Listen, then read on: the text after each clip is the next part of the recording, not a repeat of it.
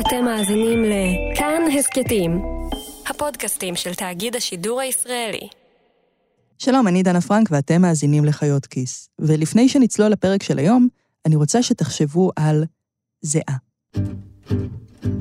זיעה בברך, זיעה במאחורה של הברך, שמטפטפת לאט-לאט על השוק. זיעה בקו השפם, זיעה בגב, טיפה אחת ספציפית שנופלת לאורך הגב. זיעה שמנסה להיספג בגבות, אבל לא מצליחה ומטפטפת לתוך העין, איפה ששורף. אני לא מדברת על כל זיעה, יש, יש זיעה נהדרת, כמו זיעה של ספורט, או אפילו זיעה של סאונה, או זיעה בים שנשטפת במים וחוזרת חלילה. אני מדברת על להזיע ברבע לתשע בבוקר, כשיום שלם של פגישות, סידורים, אולי איזה מפגש חברתי או חלילה רומנטי מחכים לכם. יכול להיות שאתם מזיעים באוטובוס או אפילו בדרך מהחנייה של הרכב הפרטי. יכול להיות שאתם מזיעים בקורקינט, באופניים או ברגל, זה לא משנה. רבע לתשע ואתם מזיעים כבר. השיער עוד לח מהמקלחת, אבל הגב כבר נדבק לחולצה.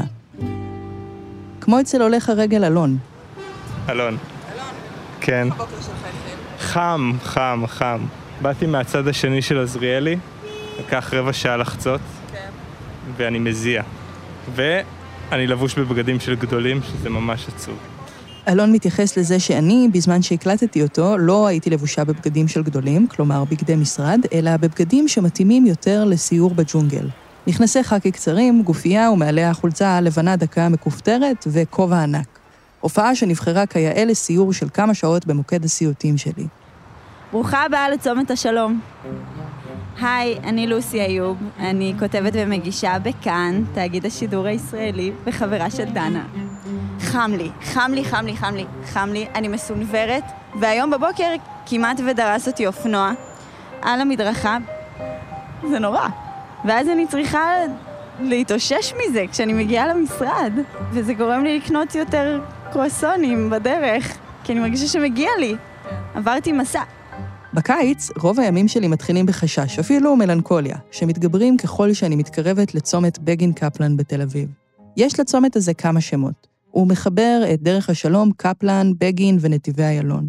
בחלק המזרחי שלו, הוא מתחבר לרחוב יגאל אלון, אבל רוב האנשים התייחסו אליו כצומת השלום, או על שם הקניון הגדול שעומד בטבורו, צומת עזריאלי. שם, אני יודעת, אני אטגן במשך דקות ארוכות בשמש, בהמתנה לרמזורים שהתחלפו, או בעמידה באוטובוס צפוף להחריד בפקק שסופו מי ישורנו. ואותו הדבר בסיום היום, בדרך הביתה. וגם לולא היה עמוס כל כך, גם בשעות שהוא די ריק, הצומת הזה פשוט בלתי נסבל. ואפשר, אפשר להגיד שזאת בעיה ספציפית שלי. אפשר אפילו להגיד שזאת בעיה תל אביבית. אבל האמת שצומת עזריאלי בגין הוא כנראה אחד הצמתים החשובים בישראל. דווקא התל אביבים יכולים איכשהו להתחמק ממנו, אבל כמעט כל מי שמגיע לתל אביב לצורכי עבודה או הנאה, חייב להיתקע בו. חצי מיליון מכוניות נכנסות לתל אביב מדי יום, כ-75 אלף מתוכן דרך מחלף השלום, המקום שבו נתיבי איילון פוגשים את עזריאלי. עשרות אוטובוסים נכנסים לתל אביב דרך הצומת הזה בדיוק. תחנת הרכבת השלום מוסיפה לצומת עוד 56 אלף בני אדם בכל יום. זאת התחנה הכי עמוסה בישראל, ויחד עם עוד שתי תחנות בתל אביב, היא היעד ל-90% מהנסיעות ברכבת ישראל מדי יום. בצומת עצמו עובדים 2,000 עובדי קריית הממשלה וכמה אלפי חיילים משרתים בקריה. יש בו בית ספר טכני גדול, והוא מוקף בעשרות בנייני משרדים, וכל הדבר הזה הופך אותו לעורק כל כך חיוני בתחבורה של ישראל, עד שרוב המחאות של החודשים האחרונים התמקדו בחסימה שלו. מחאת האתיופים, מחאת הנשים, מחאת הנכים, מחאת ההורים לפעוטות. אז השבוע בחיות כיס נלך הרחק אל העבר ונציץ אל העתיד, וננסה להבין איך ומתי הפך צומת עזריאלי לצומת הכי גרוע בישראל.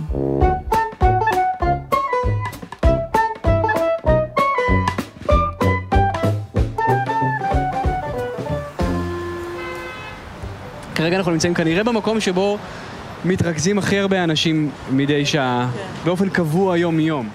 זה ינון גבע. ינון הוא מתכנן ערים ודוקטורנט לגיאוגרפיה חברתית באוניברסיטה העברית. ואני מניח שאנחנו נראה את זה קורה לעוד צמתים, בתל אביב, בירושלים, צומת הכניסה לעיר שעכשיו בונים שם כמה מאות אלפי מטרים אה, של אה, שטחי אה, מסחר ומשרדים. וכבר היום הוא מקום די עמוס ויש לשם רכבת עכשיו, אז אה, כנראה שגם יראה לא רחוק מזה. עכשיו, אלה, אלה החיים המודרניים, אני לא חושב שזה דבר בהכרח רע שהרבה אנשים מתכנסים במקום אחד ועוברים דרך צומת אחד. אבל אנחנו צריכים להיות אה, כנים לגבי זה שזה לא הולך להיפטר מעצמו, כנראה. רציתי להבין למה צומת עזריאלי הוא כזה מקום מקולל, וינון הציע בנדיבותו לסייר איתי ולהסביר לי מה קורה שם. נלך מהצל נראה לי, לא? נלך מהצל. כן. וכך יום אחד, לקראת סוף חודש יולי, הוא פינה את הבוקר והגיע לפגוש אותי עם בקבוק מים, כובע, קרם הגנה ומצב רוח טוב. עד סיום הסיור שרד רק הכובע. הצומת הזה הוא, אושר של אה, אלפי פקקים קטנים. יש לך פקק בכל רמזור, יש לך פקק של הולכי רגל בכל רמזור, יש לך את הפקק של האנשים שעומדים לבידוק ברכבת. התחלנו בקריית הממשלה וחצינו ברגל לכיוון הקריה הצבאית. הדבר הראשון שלדעת ינון הופך את ההליכה בצומת לבלתי נסבלת זה קודם כל הרוחב. כדי לחצות מצד לצד, נניח מרכבת השלום עד לקריה, צריך לעבור יותר מ-250 מטרים מיוזעים. 250 מטרים זאת הליכה שאדם ממוצע עושה בלי לשים לב, אפילו בעיר. היא ממש לא חייבת להיות גהנומית. כן, עכשיו מתחיל המשחק הקטן הזה של להעמד בצורה שאתה גם עומד בצל, גם לא נדרס, גם אולי מספיק לעבור שני רמזורים בבת אחת, שזה בכלל נס אם זה מצליח לקרות. הנה, חצינו עוד רמזור ואנחנו עומדים בעוד אחד. הרמזורים המרובים גורמים לנו לשהות יותר זמן ב-250 המטרים האלה מאשר בהליכה רגילה של אותו המרחק. אבל זה לא רק זה. לפי ינון, מה שבאמת הופך את החצייה הזאת לגיהנום זה השיממון שמסביב. המרחק ללכת מפה, מקריית הממשלה לרכבת, או בכיוון ההפוך, זה פחות או יותר כמו ללכת קינג ג'ורג' אה, נחלת בנימין, עד נניח גן מאיר. כשאני הייתי תיכוניסט ומגיע לתל אביב, אי אז מזמן, אז זו ההליכה שהכי אהבתי לעשות, מהסנטר, נכון, לנחלת בנימין, זו הליכה שכל תיכוניסט רוצה לעשות, ואפשר לבלות יום שלם רק בללכת את ההליכה הזאת הנחמדה. מהסנטר לנחלת בנימין, כמו שינון התיכוניסט אהב ללכת, זאת לא הליכה סופר פסטורלית. המדרכות מאוד צרות, יש המון מעברי חצייה, המון מכוניות ורעש, אבל כל כמה עשרות מטרים קורה משהו אחר. יש חנות נעימה שאפשר אולי להיכנס להצטנן במזגן שלה, או משהו לראות, או לקנות, או לאכול, ובל נשכח, יש עצים שמעניקים לנו מצילם. כאן הולכים בשממה. אין טיפת צל, אין איפה לשתות מים, הדבר היחיד שמשתנה בנוף הוא מסך הוידאו של הפרסומות על עזריאלי, ואני נושאת אליו עיניים כשינון ואני מנסים להשתחל בין 30 אוטובוסים, ספרנו, שעומדים על מעבר החצייה אחד, זה שבין הקריה הצבאית לכיוון קניון עזריאלי, הראשון מבין השניים. אנחנו הולכים פה מאחורי אימא נחמדה עם עגלה. אם תמדדי את רמות הקורטיזול עכשיו שלה, שהיא הולכת בין המכוניות עם העגלה. והרמזור התחלף לאדום. כן, עד שהגענו... רצינו וזה התחלף. נכון. אחד הדברים שינון חוקר הוא איך אוכלוסיות מוחלשות, למשל בעלי מוגבלויות פיזיות, מתמודדות עם המרחב הציבורי.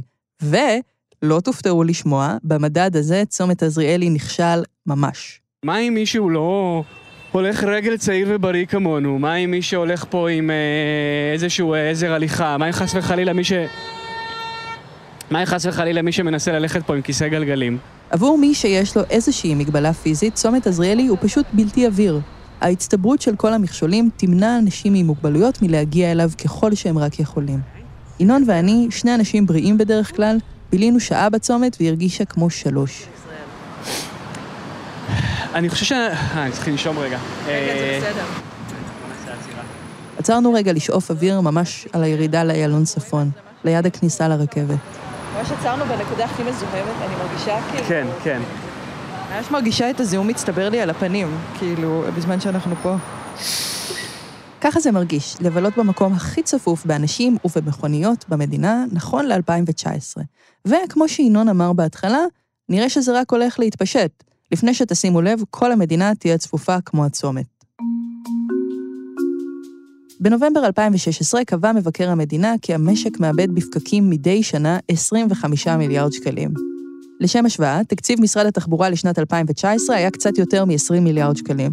והמצב כנראה רק הולך ומחמיר, כי מספר כלי הרכב בישראל עולה בקצב של 3% בשנה, וכרגע הוא עומד על למעלה מ-3 מיליון רכבים. הצפיפות אפילו לא הגיעה לשיאה בצומת עצמו. בעתיד הנראה לעין, רכבת ישראל תוסיף מסילה נוספת, ובנתיבי איילון מתכננים להוסיף עוד נתיב, שניהם יחצו את הצומת. ב-2021 הצטרף אליהם גם הקו האדום של הרכבת הקלה. המנופים שנראים מכל עבר מספרים לנו שבונים עוד מגדלי מגורים ועסקים. מאות אלפי האנשים חסרי האונים שעומדים בצומת מדי יום, יצטרכו לפנות קצת מקום לאנשים נוספים שיצטרפו אליהם. והמועקה הזאת נכונה לא רק להולכי הרגל, ביניהם ינון ואני בילינו בוקר של ייאוש. היא נכונה גם למי שיושב במכונית, במזגן, ולא יודע מתי 250 המטרים האלה יסתיימו. אנשים כמו עובדי קריית הממשלה, שיושבת אף היא בצומת עזריאלי, שנתקעו בפקק אינסופי, עד שאדם אחד בא להציל אותם.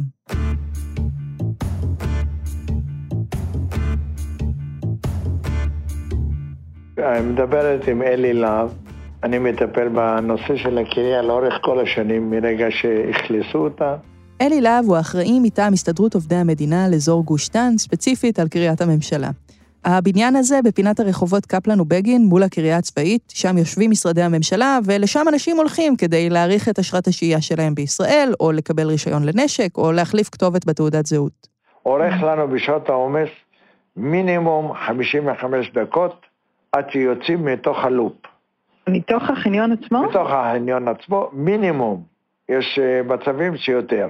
את מבינה, עד 55 דקות לא יכולה להימלט, לא יכולה לשאוב אוויר אה, צח. לא רק שאת לא צומעת, אה, את אה, נושמת את הגזים של הרכב לפנייך. במשך שנתיים, עובדי קריית הממשלה ניסו למחות כנגד הפקק בחניון. הם ערכו עיצומים, הם התראיינו בתקשורת, והם נעזרו באלי. אלי הוא אדם די יצירתי ומלא משאבים שלא מסתפק בהגדרת התפקיד שלו, אלא אשכרה מגדיל ראש ויוצא מגדרו כדי לדאוג לרווחת האנשים עליהם הוא אחראי. אז אלי הביא כמה מומחים, כולל מאמריקה, שקבעו שהפקק בחניון מזוהם פי עשרה מצומת עמוס במיוחד. בסופו של דבר המדינה התקפלה והחליטה לשלם להם חצי שעה יותר על כל יום עבודה. אבל זה רק צעד אחד בתוכנית של אלי. בין היתר, העובדים בקריית הממשלה קיבלו שעון נוכחות גמיש, כלומר, מי שלא עובד בקבלת קהל יכול להגיע ולצאת בכל שעה שהיא. הכיכר ביציאה מהחניון שונתה, אבל אלי מדבר על צעדים יותר דרסטיים. הוא פנה לאגף התנועה בעיריית תל אביב כדי לתאם בשעות העומס בין הרמזור הכי מערבי בצומת, זה שבקפלן, לבין שער היציאה הסמוך של הקריה, שער ויקטור. אם זה יצליח, הוא יאפשר ל-150 רכבים להשתלב במכה ברמזור, על חשבון כל שאר האנשים שמחכים בפקק. ואז, האנשים שמגיעים לצומת מכיוון קפלן מתוך תל אביב, יצטרכו לחכות יותר זמן ברמזור. דבר נוסף, אנחנו מבקשים שלפחות 150 רכבים, במקום שיחנו בקריה, אה, יחנו בעזריאלי, ואת החניות האלה אנחנו מייעדים לאימהות שמטופלות בילדים. אלה כאלה שממהרים, אמורים להוציא את הילד מהגן. אין אף אדם בעולם, ודאי לא מישהו מבין עובדי קריית הממשלה, שמגיע לו לשאוף בכל יום שעה לפחות של גזי פליטה רעילים כשהוא תקוע בפקק מתחת לאדמה. אבל להתאים את הרמזור באחד הצמתים הפקוקים במדינה לקבוצת לחץ, זה קצת לא פייר.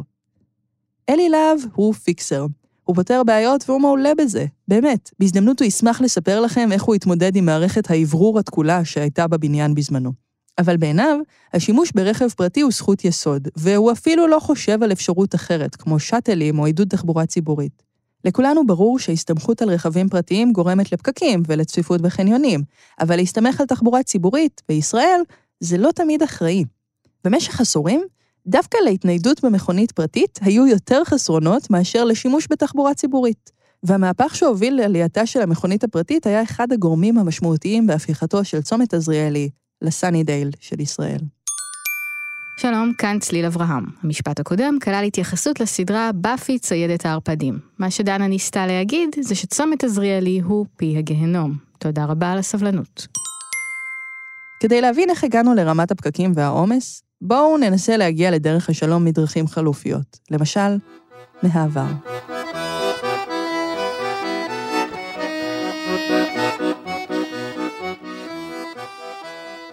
זאת מפה מוקדמת שנקראת אה, תוכנית יפו תל אביב. וואי, היא כל כך קטנה.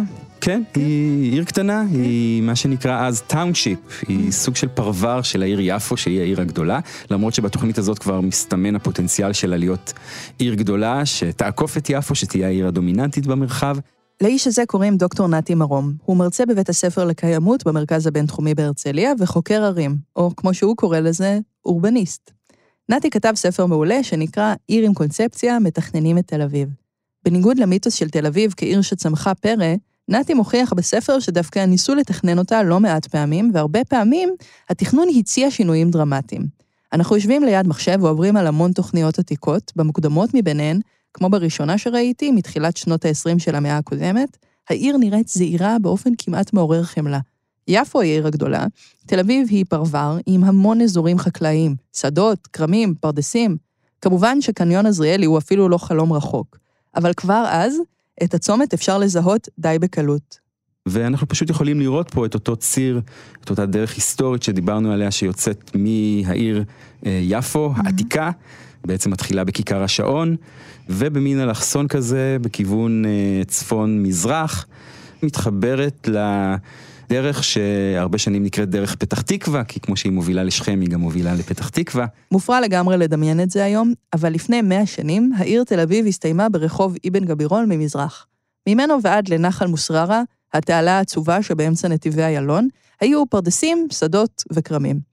במרחב שהתקיים כאן עד העשורים הראשונים של המאה ה-20, דרך פתח תקווה או דרך שכם, כבר הייתה דרך משמעותית שעברו בסחורות מהנמל ביפו ואליו. ותל אביב התחילה לצמוח ולצמוח.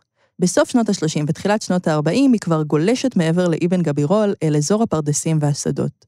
ויש חלק אחד שהעיר מאוד רוצה לנגוס בו, אבל לא יכולה. נתי מראה לי קריקטורה מאותה תקופה. יש פה כאילו אבא וילד, והילד אומר, אבא, מהו הכתם הלבן הזה במפת תל אביב? מדהים. כלום זה כתם לבן, בני, הרי זה כתם שחור. זה כתם שחור על מפת תל אביב, שמאוד מאוד רוצה לספח אליה את השטחים האלה ו... ולהמשיך לצמוח, כן. הכתם הלבן או השחור הזה מוכר לכם היטב. היום הוא המרכז המסחרי שרונה והקריה הצבאית. אבל אז הוא היה המושבה הטמפלרית שרונה, וחיו בה גרמנים שהאמינו שבעבודה קשה הם יביאו את הגאולה. במהלך מלחמת העולם השנייה, הבריטים גירשו את הגרמנים לאוסטרליה, הם היו נתיני אויב, וחלקם גם היו אשכרה נאצים. אבל למרות שהעיר חמדה את השטחים האלה בגלוי, הם לא הגיעו אליה. השדות של שרונה הפכו להיות מפקדות של השלטון הבריטי, ועם קום המדינה, המטכ"ל הישראלי התמקם בהם. בתחילת שנות ה-50, אחרי שהבריטים מתקפלים, עיריית תל אביב שוכרת מתכנן ערים אמריקאי בשם הורוביץ, כן, יהודי, והורוביץ מתכנן את העיר מחדש כעיר אמריקאית גדולה. בתוכנית הזאת של הורוביץ משנות ה-50, מופיע הסממן הכי חשוב של ערים אמריקאיות גדולות בזמנו, אוטוסטרדה בצמוד לנחל מוסררה, שבדיוק החליף את שמו לאיילון. באותה תקופה, היו בתל אביב מעט כלי רכב יחסית, אבל התוכנית הזאת עודדה רכישה של מכוניות רבות, כי מכוניות הן סמל לקדמה, לאושר, לחלום האמריקאי, שבסופו של דבר יחנוק את כולנו. בעיר מודרנית ומשגשגת מתניידים במכונית, והרכב הפרטי מקבל, בתוכנית של הורוביץ, תעדוף על פני כל שאר אופציות ההתניידות בעיר. והתוכנית קובעת עוד מימד חשוב לעתידה של תל אביב. מתחילה להתפתח ההבנה שתל אביב היא עיר מטרופולינית. Mm-hmm. היא לא רק העיר תל אביב, היא עיר שמספקת שירותים מסחריים, כלכליים לכל האזור, לכל מדינת ישראל בעצם, אבל בוודאי גם אה, לערי הלוויין שלה, לערים שסמוכות אליה. הייתי אומר שעד אז כל עיר כזאת התפתחה די באופן עצמאי, די באופן אוטונומי, גבעתיים היא עיר של uh, משכנות uh, פועלים, עיר כזאת מאוד הסתדרותית, mm-hmm. רמת גן עם הסיפור שלה, כל אחת מהערים האלה היא עיר שעומדת בפני עצמה. בשלב הזה, בשנות החמישים, מתחילים להבין שבעצם הערים האלה נועדו להיות uh, מטרופולין, אולי okay. עוד לא אוקיי. קראו לזה ככה, אבל נועדו להיות בעצם סוג של ישות עירונית אחת, רציפה. כשאומרים תל אביביות, אף אחד לא חושב על מזרח העיר. חושבים על דיזינגוף, אולי אלנבי, במשך עשור או שניים גם שנקין. אלו המקומות שתל אביב קיימת בהם כעיר, ששותים בהם אספרסו וכותבים שירים על איך זאת עיר בלי קונספציה. ובאמת, כל מה שממזרח לשם, עד צומת עזריאלי ואחריו, הוא שטח שלא תוכנן כחלק מהלב האורבני של העיר. כל היתר זה לא רלוונטי, זה מחוץ לעיר, זה שטחי חקלאות, זה שטחי טבע, זה נחל איילון עצמו שכל שנה עולה על גדותיו ומייצר שיטפונות, וזה סדרה בהמשך, אה, שנות ה-30, 40 ואילך, סדרה של שכונות אה, שוליים, שכונות פריפריה, שכונות שהן אה, הבנים החורגים של תל אביב. בצד התל אביבי, בצד המערבי של איילון, זאת שכונת מונטיפיורי למשל. שהיא שכונת אה, צריפונים, שכונת אה, עוני. בצד השני, בצד המזרחי של האיילון, זאת שכונת התקווה, mm-hmm. שהרבה שנים היא לא חלק מתל אביב, ושכונת אה, נחלת יצחק, שגם היא סוג של שיכוני חירום לפליטים וואו. בשנות ה-30. למרות שהוא בשוליים של העיר תל אביב, מבחינה תכנונית, צומת עזריאלי הוא הפופיק של גוש דן, או כמו שמתכננים עירוניים קוראים לזה, המרחב המטרופוליני תל אביב. צומת עזריאלי הוא בעצם מה שהופך את תל אביב מעיר לעיר גדולה. אבל האנשים שתכננו את העיר לאורך השנים לא הכירו במרכזיות שלו. באמצע שנות ה-60, תל אביב הגיעה לשיא של 394 אלף תושבים והתחילה לדמם אותם החוצה. עשרות אלפי אנשים עזבו את העיר מדי שנה, ומנגד נוצרה בה תנועה ערה של יוממים, אנשים שמגיעים רק לעבוד בה והשתמשו יותר ויותר ברשת הכבישים שהורוביץ ייסד. כבר בשלב הזה, התבקש לבנות מרכז עסקי על הכניסה לעיר בנתיבי איילון. בשנות ה-70, עיריית רמת גן אפילו הקימה את מתחם הבורסה, מרכז עסקים ענק על איילון, שממש מזמין מענה תל אביבי. אבל איכשהו, תל אביב הדיזינגופית יצאה מגדרה כדי להתעלם מהמצב. ראשי ומתכנני העיר תל אביב רוצים שעסקים יהיו בנקודה שבה הם היו מההתחלה, במרכז העיר. אז מרכז העסקים הראשי של תל אביב באופן היסטורי צומח פחות או יותר בנקודה שהיא מתחילה, באחוזת בית, בצומת הדרכים אה, הרצל רוטשילד, רחוב לילנבלום שמוכר כרחוב של הבנקים והרחוב של אה, חלפני הכספים. במקום לפתח אזור עסקים על הכניסה המזרחית לעיר, על צירי התחבורה הבולטים, עיריית תל אביב מחליטה להשקיע מיליארדים בפיתוח אזור עסקים שיחבר בין תל אביב ליפו, על גבי שכונת הפחונים מנשיה. אבל בעלי העסקים מצביעים ברגליים ופשוט ממשיכים לבנות על הציר המרכזי ההוא, שלימים יוכר בתור צומת עזריאלי. למה? קוראים לזה אנגלומרציה, או בעברית, מרכוז. ככל שעסקים ואנשים ותושבים ומבנים ותשתיות מתרכזים במקום מסוים, הם במקום שיש לו יתרונות טבעיים להיות אה, מרכז שכזה, mm-hmm. שם בעצם צומח מרכז העסקים הראשי, שם יש אה, היגיון כלכלי למקם מרכז עסקים ראשי שכזה. בתחילת שנות ה-80 העיר מרימה ידיים. היא מוותרת על תוכנית רוב העסקים המרכזי ומסמנת את הצומת שליד שרונה, ליד דרך פתח תקווה ההיסטורית, כמרכז העסקים הראשי של תל אביב. מהתוכנית להקים מרכז עסקים בגבול יפו, ששרפה המון המון כסף במשך שנים, נשארו כמה מבנים גדולים, כמו מלון דן פנורמה ובית הטקסטיל. על שאר החורבות של מנשיה, העירייה הקימה את פארק צ'ארלס קלור. בשנות ה-90 נבנו שניים מתוך שלושת בנייני עזריאלי באמצע הצומת. ב-96 הצטרפה רכבת השלום, שאפשר לעבור ממנה בקשרים ישירות לקריה, בלי לחצות אף כביש. בשנת 2000 התחילו לבנות את בניין קריית הממשלה, שהיה בזמנו הרביעי בגובהו בישראל, והיום, כזכור, עובדים בו אלפיים בני אדם. בשנת 2000 כתב הארכיטקט הישראלי שרון רוטברד טקסט בשם איילון סיטי, שמתאר את עיר המגדלים המצטופפים ליד נתיבי איילון. העיר ש, אם עומדים בצומת עזריאלי, נראית גדולה וחשובה הרבה יותר מתל אביב, או לפחות כך נדמה לי. רוטברד כותב שאיילון סיטי היא העיר החשובה ביותר שנבנתה בישראל מאז שנות ה-80. שבה כל בניין הוא מוצר ממותג ששייך לחברה אחרת. העיר החדשה הזאת, לפי רוטברד, תלויה בשלוש מכונות בלבד, מעלית, מכונית, מזגן.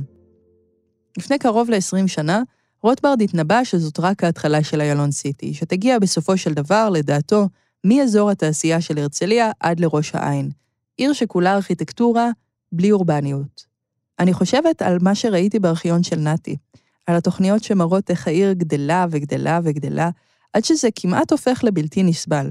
אפשר ממש לדמיין את התוכניות של העתיד, איך בעוד כמה שנים העיר תתפוצץ מרוב צפיפות, וראשון יתפוצץ מרכז העסקים הראשי. אבל לא בלי מלחמה.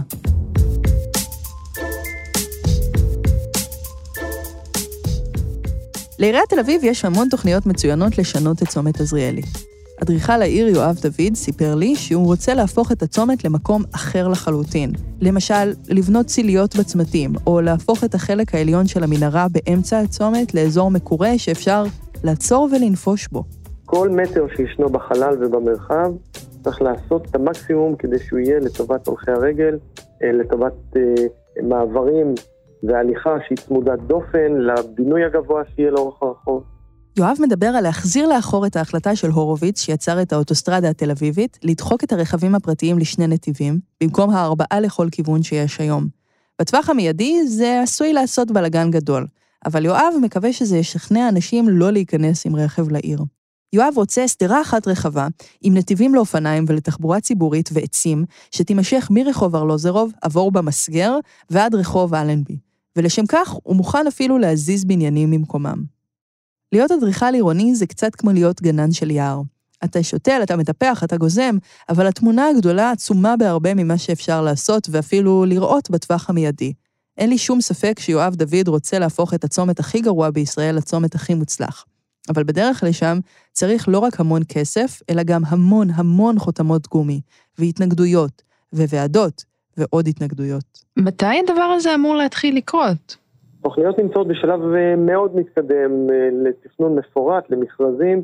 חלקים גדולים של הציר יהיו אה, בביצוע של חברת אחוזות חוף, ביצוע בהובלה עירונית, והכוונה היא שבימים או בחודשים הבאים העסק הזה יצא לביצוע, וכשרכבת קלה תעבוד, אנשים יצאו אל המרחב החדש והמתוכנן הזה. יואב אמר שהציליות למשל כבר מעבר לפינה, אבל לא מתחייב על תאריך. אני מניחה שחלקכם מחייכים בסקפטיות כשאתם שומעים את המילים האלה. והאמת, בצדק.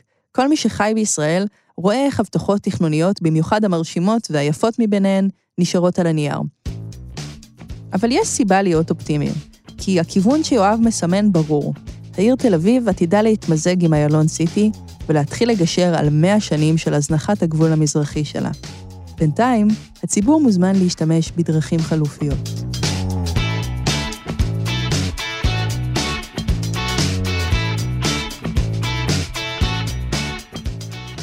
את הפרק הזה של חיות כיס ערכו רום עתיק וצליל אברהם. בצוות גם שאול אמסרדמסקי. עורך הסאונד שלנו הוא אסף רפפורט. תודה גם לירדן מרציאנו. הפרק הזה התחיל בתור פוסט בקבוצת הפייסבוק הנהדרת חיות כיס, שחבריה חלקו איתי את הזעם שצומת עזריאלי מעורר בהם. אם גם אתם שונאים צמתים מסוימים, או אם אתם בעצמכם צומת בעייתי, כתבו לנו בקבוצה או בכל מקום אחר. אני דנה פרנק, תודה שהאזנתם.